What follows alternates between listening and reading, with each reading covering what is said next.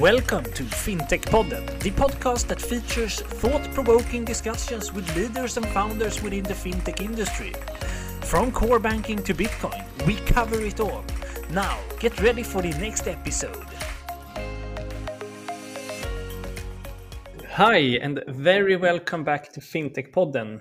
In today's episode, we have a really exciting topic uh, cashless society.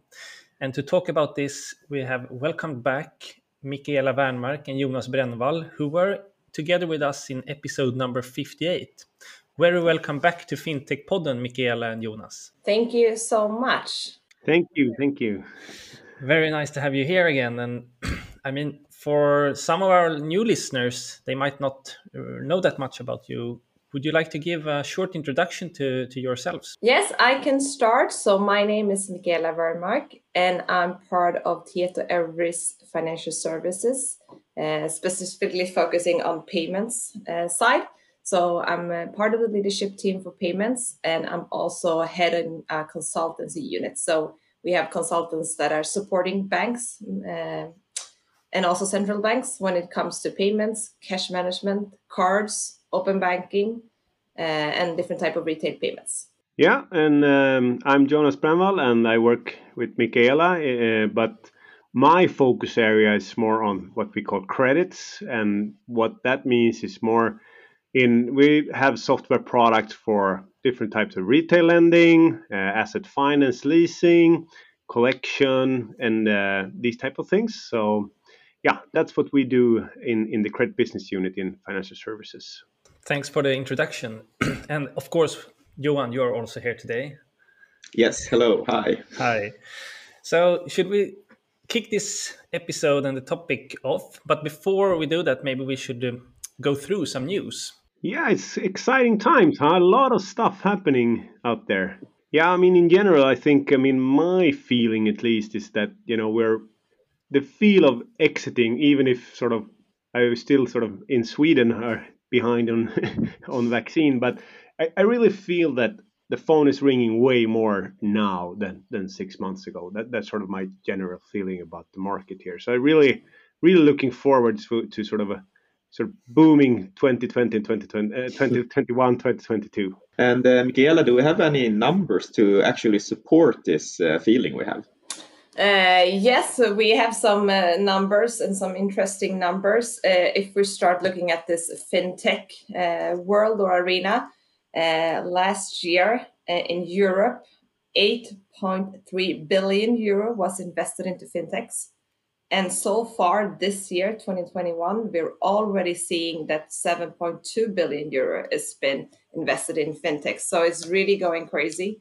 We are also seeing huge uh, trend when it comes to payments, uh, where it's kind of we're talking about trillions of payments on a global basis, where also kind of all the larger consultancy firms see that payments will increase between five and seven percent this year. Yeah, that's that is uh, crazy numbers. Like uh, we will probably see then the double the amount of investment in fintechs in Europe this year compared to last year if the numbers continue like this. Yeah, and, and even the Boston mm-hmm. Consultancy Group uh, estimates the e-market and retail e-commerce that will go from 4.2 trillion to dollars. Now we're talking dollars to 6.5 trillion dollars mm. in the coming three years. So it's like uh, I can't really get into my head how big that number is. Mm.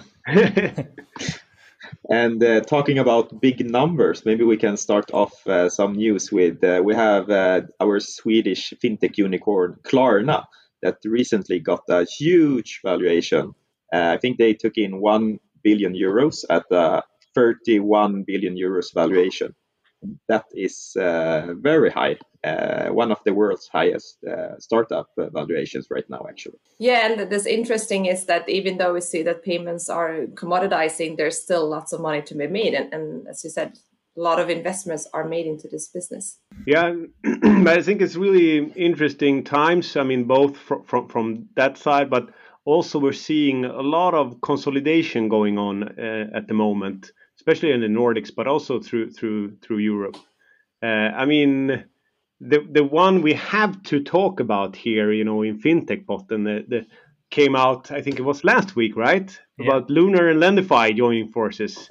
Can you tell us, give us, you know, all the insights? What can you share with us here? You know.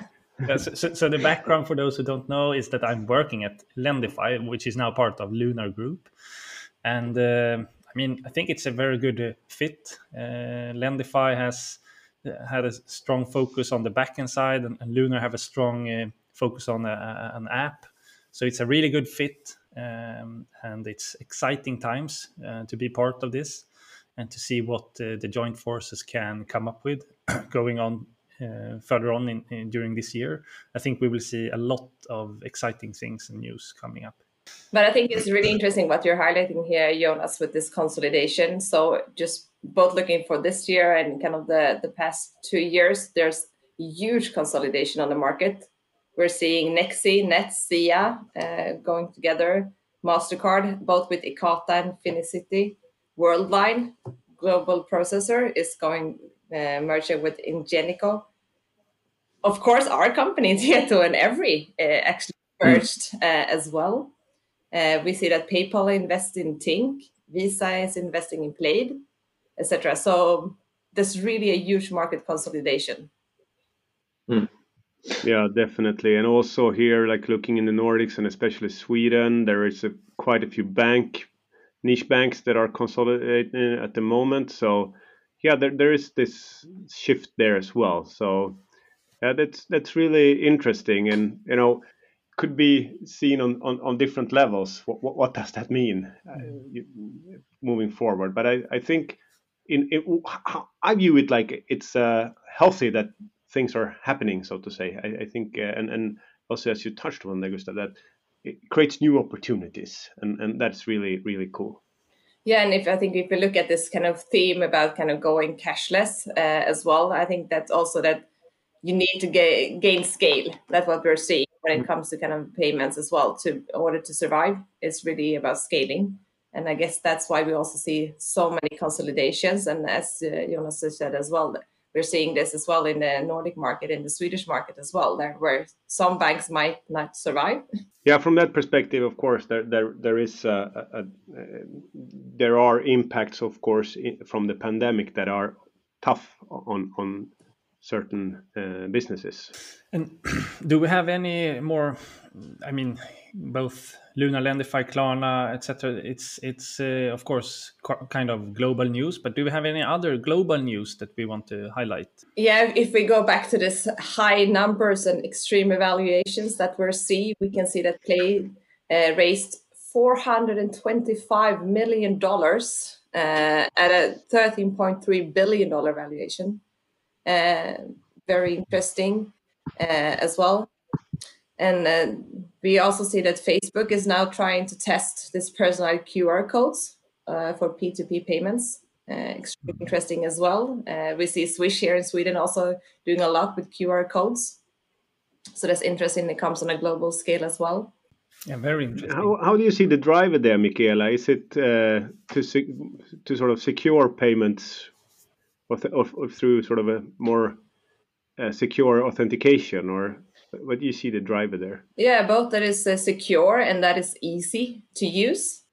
There's been so much improvement when it comes to QR codes, which I think that you really need to be up to date and read kind of all the amazing things that's actually been developed when it comes to QR codes. We had a discussion with um, Blik in Poland, for example. They said that the QR code has not fly off, so to speak, in Poland uh, because they thought it was not the best technique and that it was quite old. But I think that if you really look at all the investments and, and upgrades that have been done when it comes to QR codes, uh, I think there's a lot of things that you can use them for.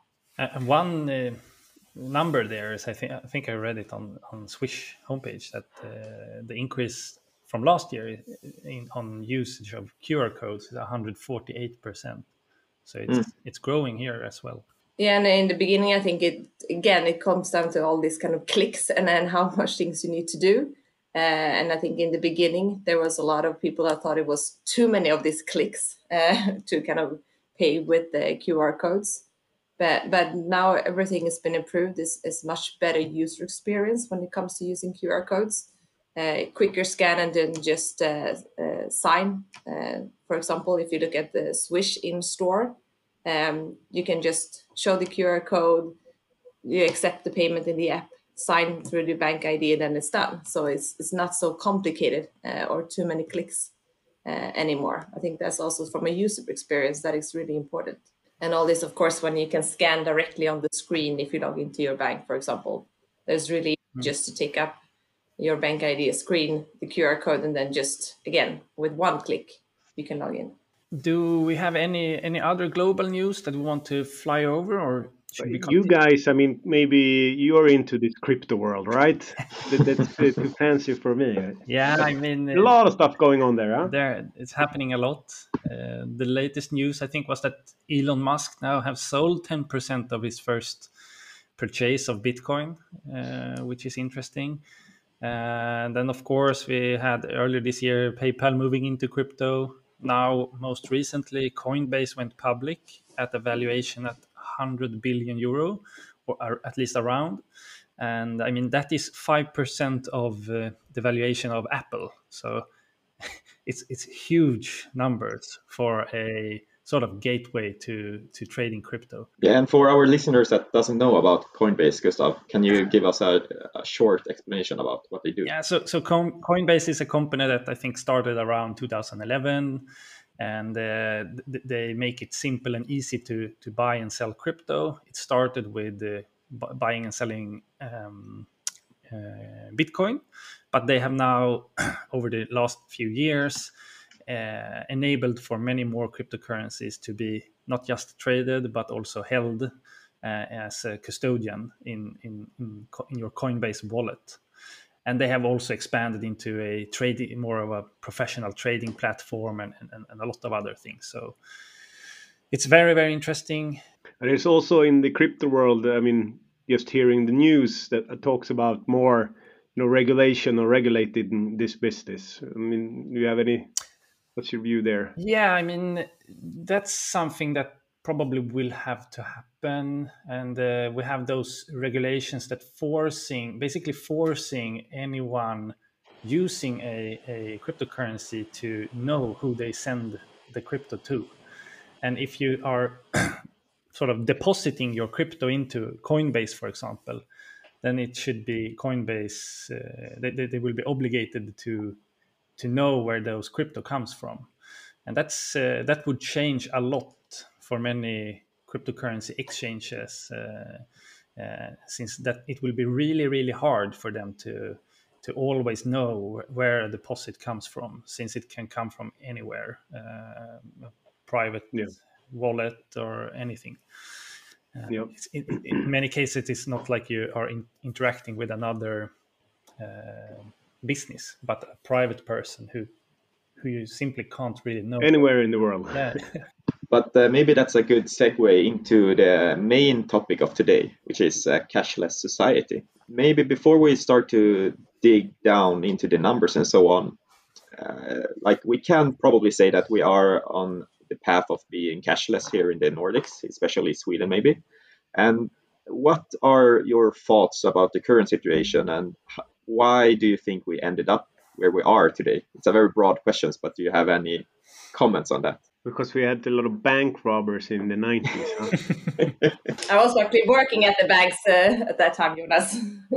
so I actually uh, feels like old now, but uh, I really worked at the bank when there was this uh, kind of waves of robbery, cash robberies towards the retail banking offices. Uh, and so I was part of that journey of reducing cash from uh, the retail offices mm. which then was kind of revolutionary or, or people started complaining like okay can i not go to my bank to withdraw cash what is this uh, my bank should mm. hold this cash etc and so i know that there were some debates but again you learn a new pattern you start were using your card even more we actually had this atm training with elderly people at some of the hmm. offices mm. to kind of support them and feeling safe in, in taking out money from the atm so I think it's more like a behavioral shift. And once you're used to that, uh, then you don't want to go back. Yeah, and, and, today we have to train them instead of using Bank ID and Swish and. Yeah, but I think that's amazing as well. If you look at the Swish statistic, of course, this pandemic has also increase the number of uh, Swish users, and especially when it comes to those that are almost like 70s and older, because it's quite easy still to use the Swish app. So I think that's one of the advantages. And if you're stuck at home and you can't go out to buy groceries, you need help from someone else, it's very easy, of course, to use Swish. So that you're, and, and that is also something you can see in the Swish statistic actually that most people i think is if it's about 60 and 70 that type of age group they're sending money mostly to the age group around 30 and 40 years old mm. really feels like that maybe like the kids is helping and supporting their their parents in, in buying food or, or medicine etc mm. uh, which is quite interesting that you can see that kind of the, this uh, societal shift in the payment statistic yeah and i think i mean the key thing here was you know now it's quite a few years back but when sort of bank ID became and and really gained sort of a, a large portion of, of, sort of the population using bank ID and it's deemed secure and really sort of having a, a big market penetration really helped because it it sort of standardized that everyone could could build a solution around it. So you just needed to to to do sort of the your onboarding in Bank ID once, and, and then you could sort of use a lot of different services throughout Sweden. That that is really sort of the, the BankID ad- adoption early on. I think was a key thing also to sort of help sort of pushing this even further in terms of cashless. Yeah, it's it's very interesting with BankID, and and I mean we, we have other IDs such as Freja EID, if you know about them. Do do you think there will be BankID will be the only one, or or do you think there will be more alternatives coming up? I definitely think that there will be alternatives. Uh, of course, Standards is always really good, so it's been very good to only have like Bank ID as one. But I definitely think that, of course, there are more that are interesting in, in joining this market and doing other things. Uh, also, this biometric technology where you just use your face or fingerprints, etc. I think that's also something that might become even uh, more adopted uh, in the future.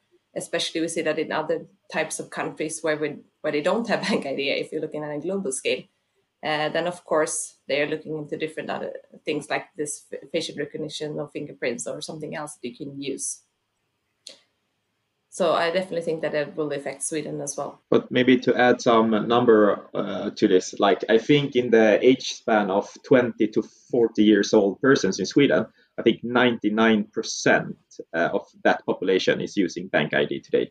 So it's uh, like a really, it cannot be higher, I guess, kind of. Uh, in that age span.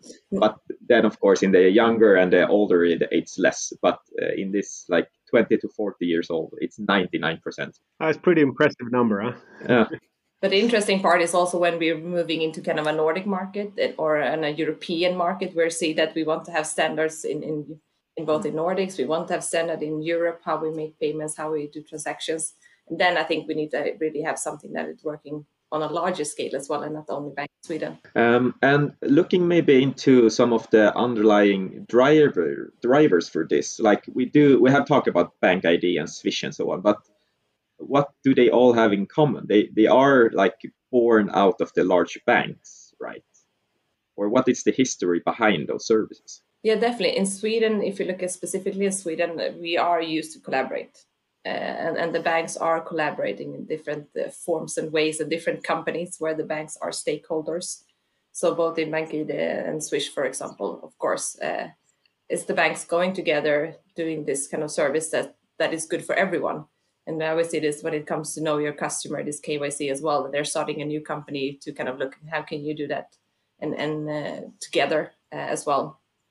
I think this P27 will also be something in the Nordics where you also discuss like how can we make payment rails together and, and utilize it so it's beneficial for everyone and we are splitting the cost. And is that quite unique for the Nordics or are other regions in the world doing similar things or is this a unique thing for us? I think this is really unique in Sweden. Uh, we have been part of launching mobile payment, for example, in Kenya, where just this collaboration between banks has one of been one of the hardest parts uh, to discuss uh, uh, because we are so used here in Sweden to collaborate, uh, which are not if you go to other countries. Uh, we are also doing an implementation right now in the Maldives as well when it comes to building mobile payments and, and again then you need to really start like looking at okay you need to collaborate as banks as well in, in so it's not just introducing a new system or a new platform it, I think this collaboration is really key. Talking maybe about how it looks like in uh, Europe. I know you, Michaela, have some uh, maybe different numbers of on the European mobile payment landscape. Are there any highlights that you want to uh, discuss with us here today? What we can see is that it's increasing, which is quite interesting. Everywhere is kind of increasing to quite high numbers. And we are quite proud uh, of Swish, of course, that is still kind of increasing, uh, but we're seeing that across Europe as well.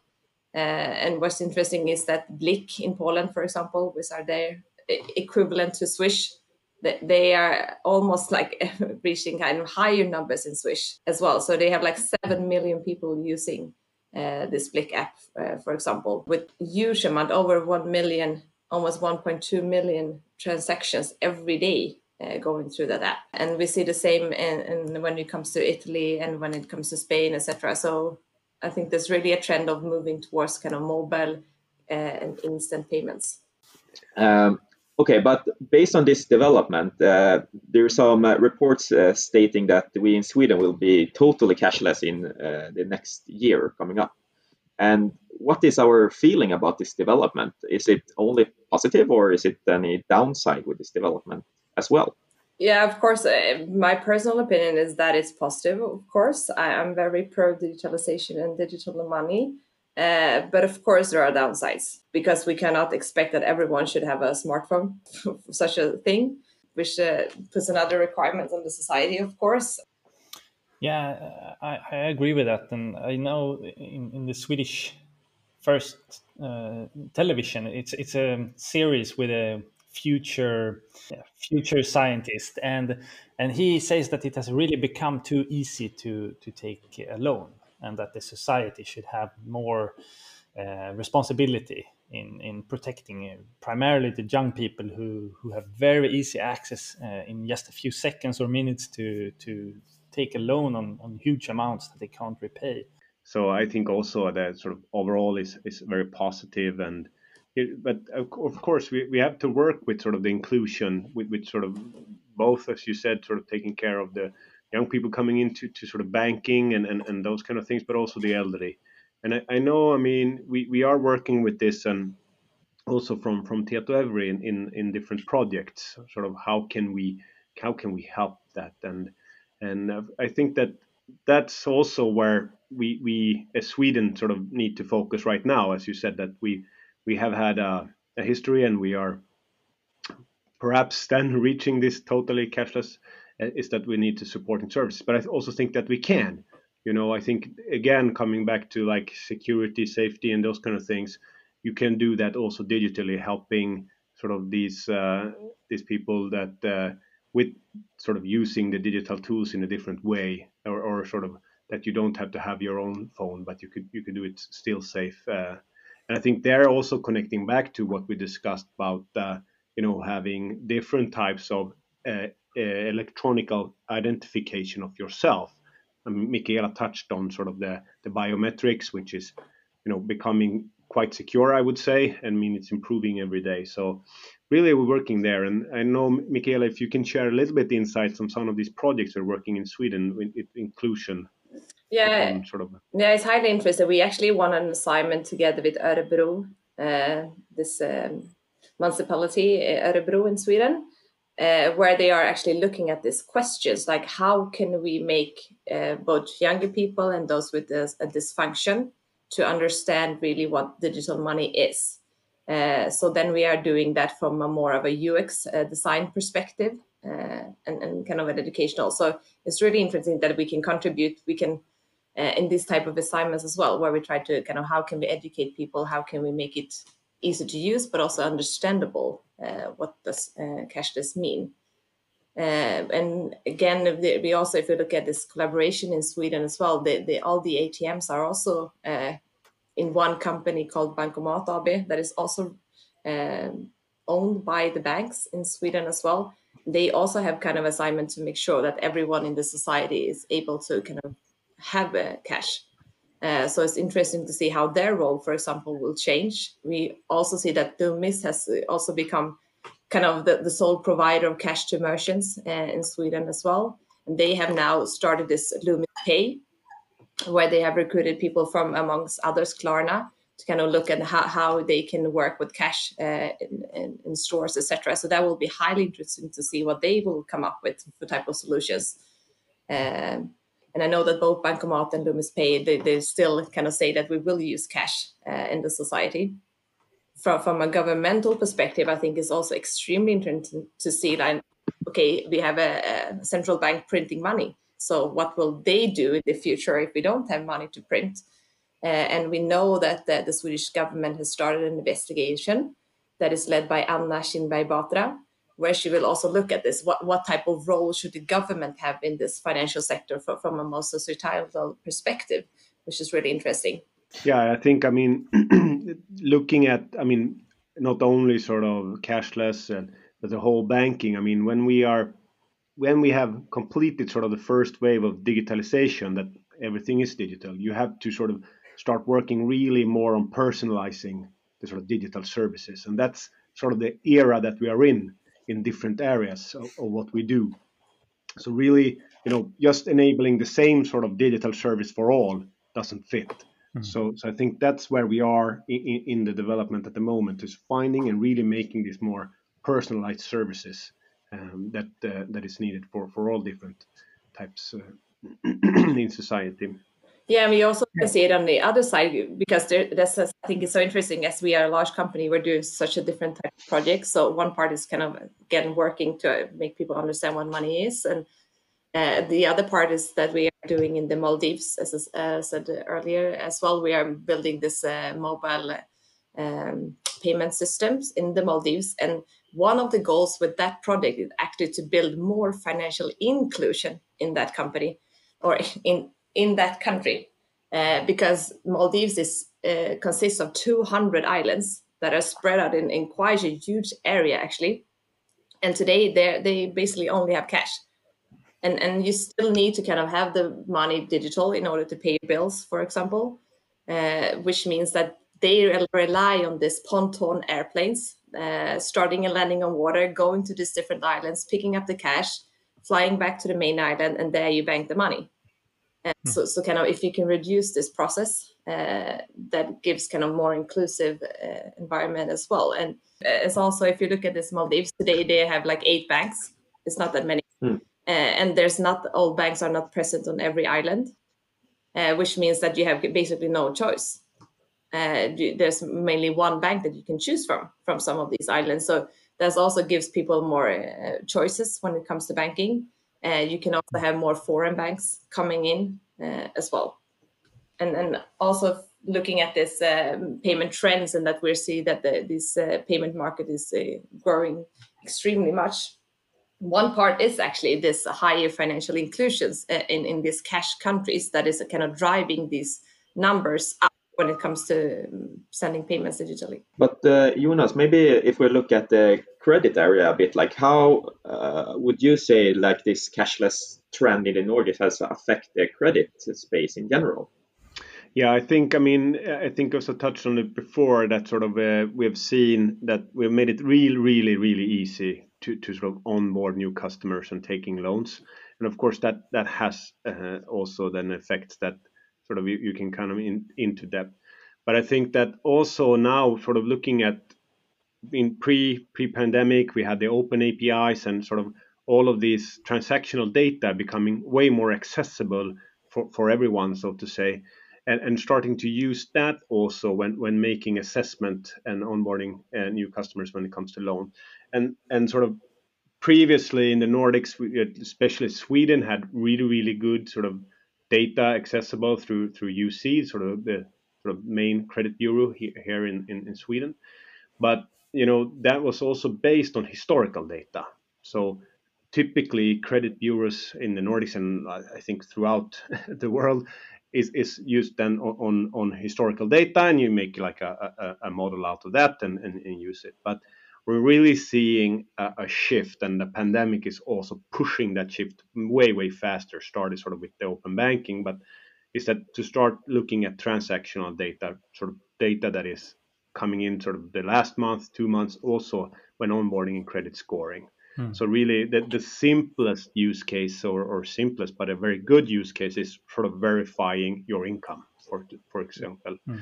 And and um, that is a, a, quite straightforward use case where where you can see that well perhaps my income has changed in the last six months or whatever. It might not be reflected actually in, in my in my sort of historical data when it comes to data from a credit bureau. So that's sort of really one use case, but also the spending pattern. You know, uh, I think that this is also coming back to like inclusion is that where you can can detect if you sort of have like problems with perhaps uh, sitting at home doing a lot of online gambling or what, what it is that that you, you can pick that up and you, you can you can help and, and, and look at that. But i think also there a, a, use case that i typically see is that you know when you onboard uh, a, a, a, customer and in, in sort of assessing for a loan you you you do some kind of budgeting. I mean it's can be for for any type of loan. Of course when you do a bigger like a housing loan or a mortgage and, but also for unsecured loans. And and then then you also here you can sort of look at statistics you know how much should your sort of household budget be?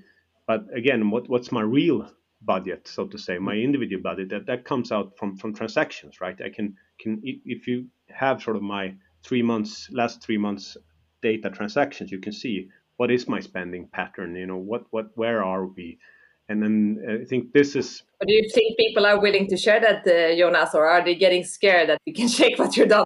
Yeah, I think that there's always the two two sides to that, right? I think that, uh, I mean, I think that yes, consumers are willing because if, if I look to, I take myself as a as an example that if I am granted, you know, better terms uh, when it comes to, and of course at the end when I say terms, I mean price or interest, I would I would sort of sort of yes, I would then, but of course that has to be on the consumer's terms. You know that I'm willing to give up my last three months transactional data now to, because it, it, it, has to me.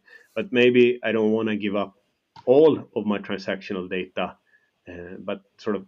So that I think also is interesting to see in the sort of new services about that how I can sort of control and own my data. I think the sort of the the I think that the sort of awareness about credit data is in in society is fairly limited, so to say. You mm-hmm. understand that okay, I, I they know what types of debt I have and, and, and, and these kind of things, but I think the sort of general awareness about the amounts of data that you sort of sit on is in, in general is, is is is limited and maybe that's a good thing you know you don't worry so much but of course, there are there are quite a few that are quite protective about their data in general. I would say. I mean, what what do you you guys say on on sharing data? What's your view?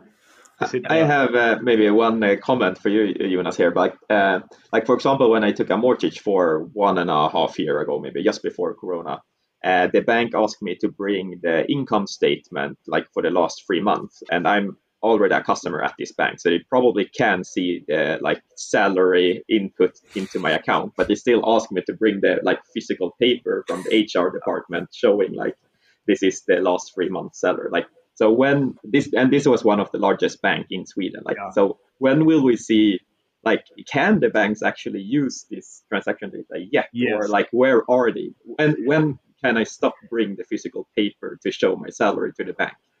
Yeah, I think this is this is really, I mean, when you say that, that really shows sort of the where you need to have a system support that supports you to bring the data into your credit process, and and that's really what we do, you know, and and you can enable that through different things.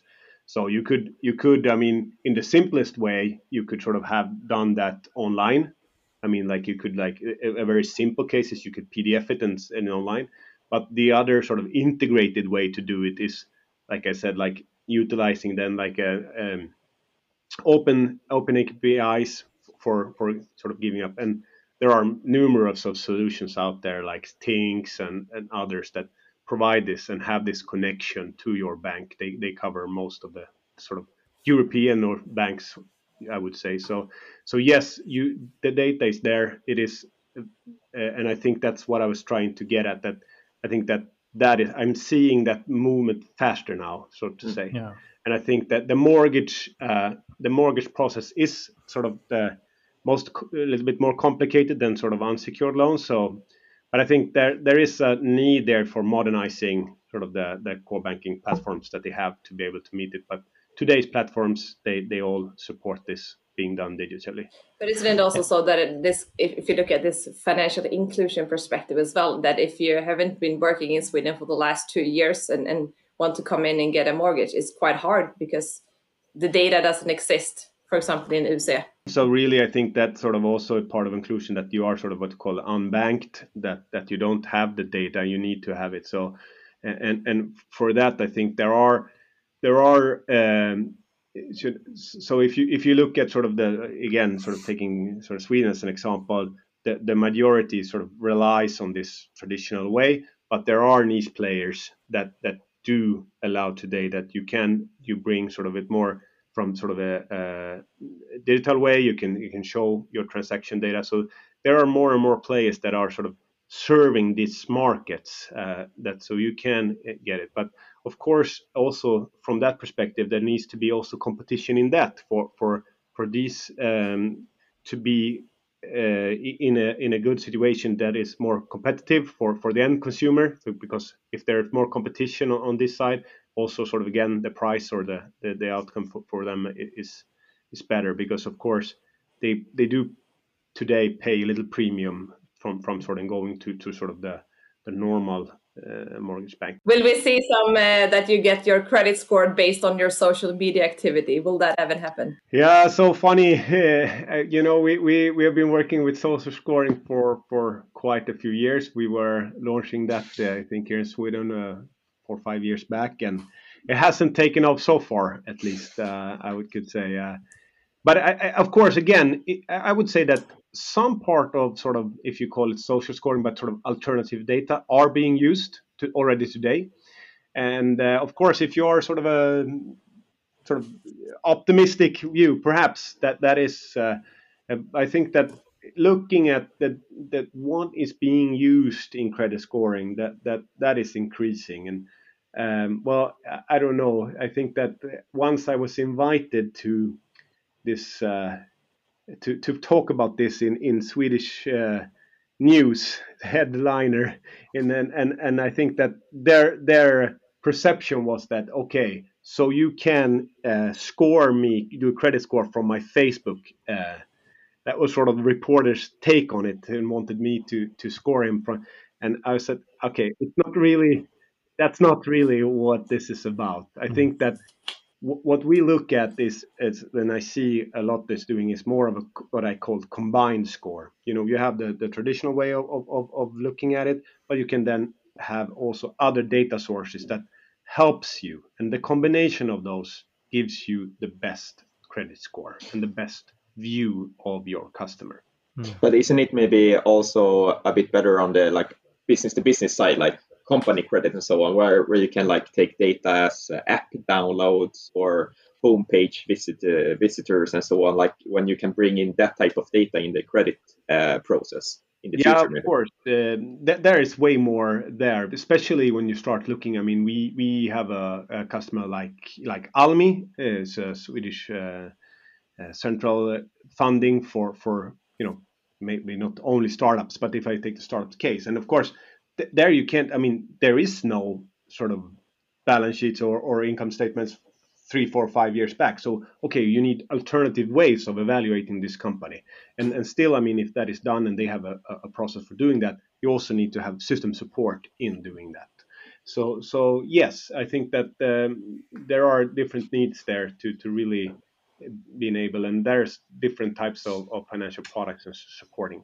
But isn't that a general kind of theme as well that we are moving from this system of records where we just kind of collect data and store it to kind of system of insights where where it's more that every company actually needs to do something with that data to kind of either find a credit score or do some personalization offering, etc. And that we as consumers almost expect, as uh, you said, Jonas, we expect the bank to know my pattern. I expect yeah. them to to kind of have insight on me and give me good scoring better loan rates, etc. Yeah, I, I, think that is a good point. Like with especially with credit scoring, and uh, it's so revealing uh, data that you have on, for example, tra- your transaction data, and just to enable that for the the user to see it him or herself is something I think is very important and will help a lot of people to understand that maybe they shouldn't get more loan right now. They should pay off their debt or, or vice versa.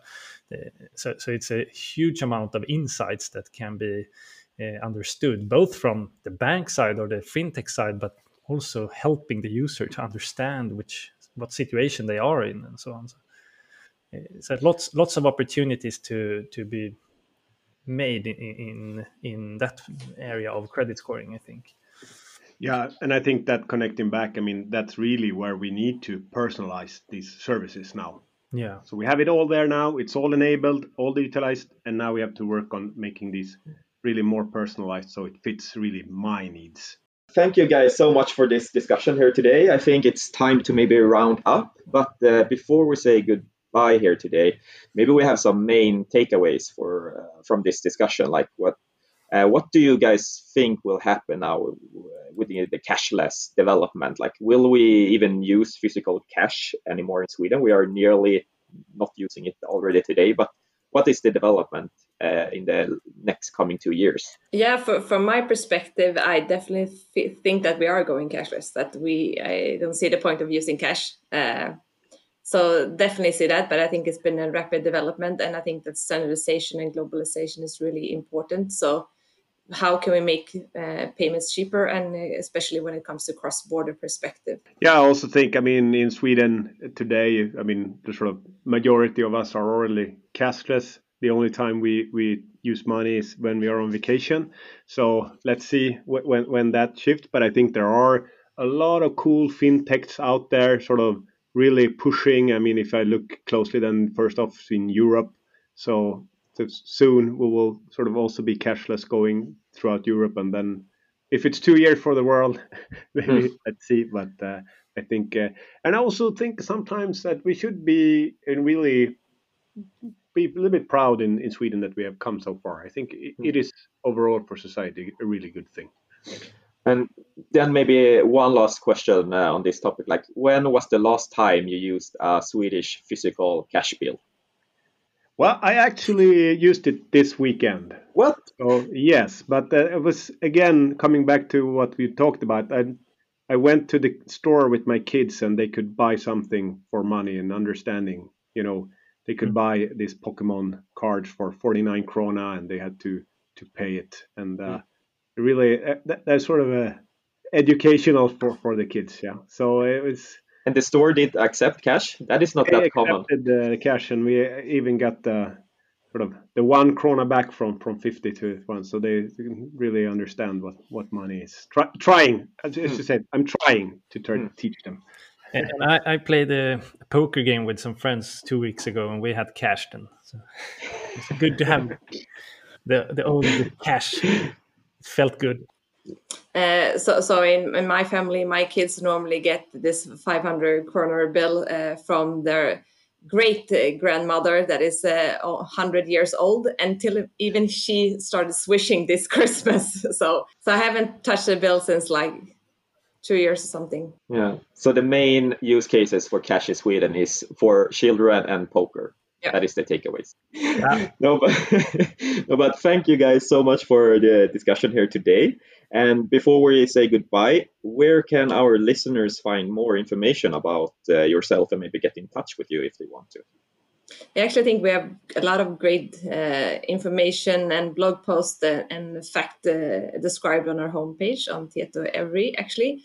And it's quite easy then, since I'm the only one that has the name Michaela Wernmark. So you can easily find me on LinkedIn, for example. Uh, same here, uh, Jonas Brännvall. Uh, find me on LinkedIn. Reach out. You know, love to hear from you. Thank you. Yeah, thanks. Thank you, guys. Bye. Thank you. Bye bye. And that was it for today's episode. We hope that you liked it. Both I and Johan are very happy and thankful that you're listening to us. And if you like what we do here, please go into iTunes or whatever platform you're listening from and leave a review or a rate. We would appreciate that a lot. We will soon be back with another episode, and until then, have a good time.